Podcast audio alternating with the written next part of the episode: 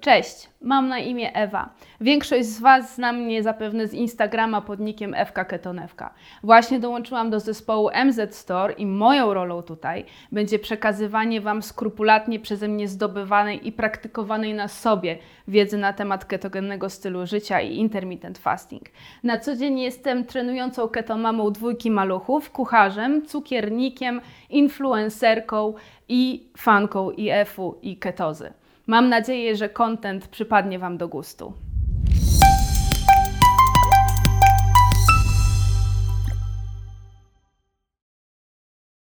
Dzisiejszy odcinek będzie wprowadzeniem do tematu ketogennego stylu życia i diety ketogennej, która to w ostatnich miesiącach szturmem wtargnęła na polski rynek, robiąc niemało zamieszania.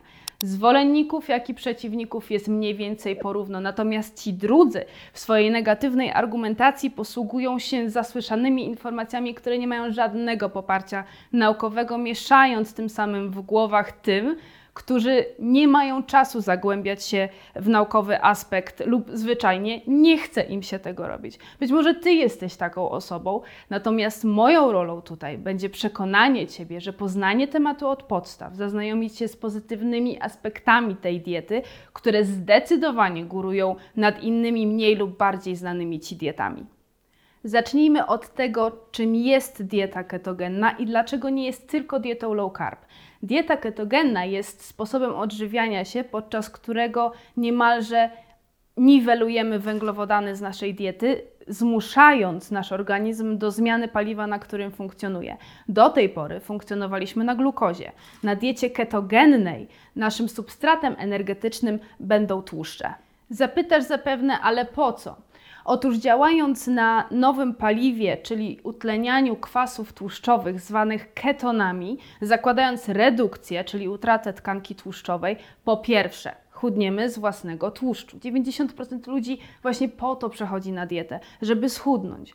Po drugie, dzięki utracie tkanki tłuszczowej dochodzi do rekompozycji składu ciała. Dzieje się tak dzięki beta-hydroksybutyrate, czyli kwasowi 3-hydromasłowemu. Po trzecie, zdecydowanie zwiększa się, zwiększają się funkcje kognitywne mózgu. Dzięki niskiemu poziomowi cukru i stałemu poziomu insuliny nie doświadczamy już spadków energii i mgły mózgowej mózgowej. Po czwarte, zdecydowanie zwiększa się nasza wydolność treningowa i znacznie szybciej regenerujemy się po zakończonym wysiłku. To tak w skrócie, bo o benefitach ketozy opowiem Wam w następnych odcinkach. Natomiast dlaczego dieta ketogenna nie jest dietą low carb? Otóż będąc na diecie low carb nie obniżamy węglowodanów do takiego stopnia, aby zacząć wytwarzać ketony, czyli paliwo tłuszczowe.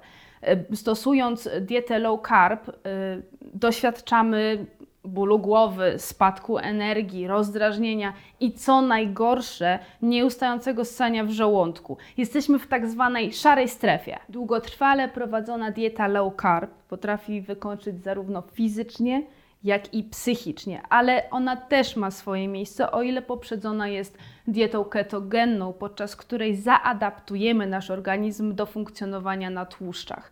Wówczas nawet jeżeli wyjdziemy z ketozy, nasz organizm nadal jako główne źródło energii będzie preferował tłuszcze, ale już bez produkcji ketonów. W takim wypadku, przykładowo trenując, w pierwszej kolejności organizm będzie korzystał z rozpadu fosfokreatyny, następnie z glikogenu mięśniowego i wątrobowego, a dopiero później dobierze się do zapasów tłuszczu. Na ketozie sytuacja ma się zgoła inaczej, ponieważ organizm pozbawiony węglowodanów funkcjonuje głównie na tłuszczach, a glukoza dostarczona z tą niewielką ilością węglowodanów, którą spożywamy na ketozie, niemalże natychmiast zostanie zużyta przez mózg, jedyny organ w naszym ciele, który potrzebuje węglowodanów do prawidłowego funkcjonowania.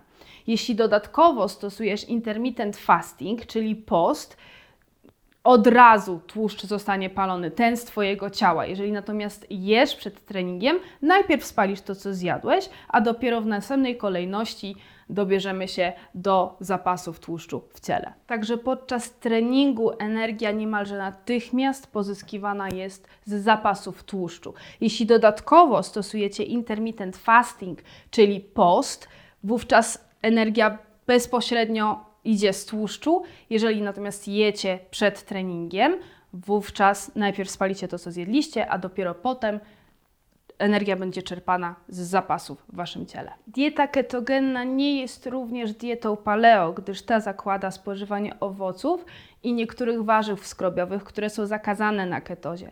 Natomiast nade wszystko Ketoza nie ma nic wspólnego poza częścią składową nazwy z kwasicą ketonową. Niestety nadal nawet wśród słabo doinformowanych dietetyków y, krąży y, przeświadczenie, że ketoza prowadzi do kwasicy ketonowej. Natomiast sama kwasica dotyka ludzi, którzy są chorzy na cukrzycę typu pierwszego i którzy nie wytwarzają insuliny. Wówczas poziom ketonów w ich krwi jest nieporównywalnie i wręcz niebezpiecznie wyższy niż u osoby, która stosuje dietę ketogenną. Dieta ketogenna nie jest również golonką ociekającą tłuszczem, którą wszyscy nieznający tematu podają jako przykład keto jedzenia. Według mnie Dieta ketogeniczna wygląda tak.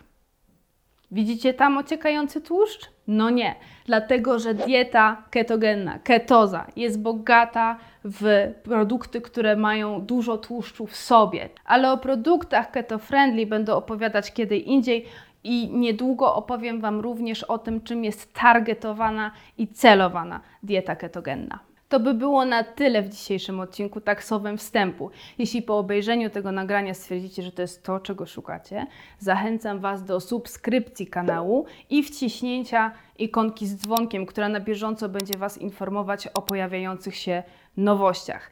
Temat ketozy jest bardzo obszerny, dlatego sprawdzonej wiedzy, potwierdzonej naukowo, na pewno nie zabraknie.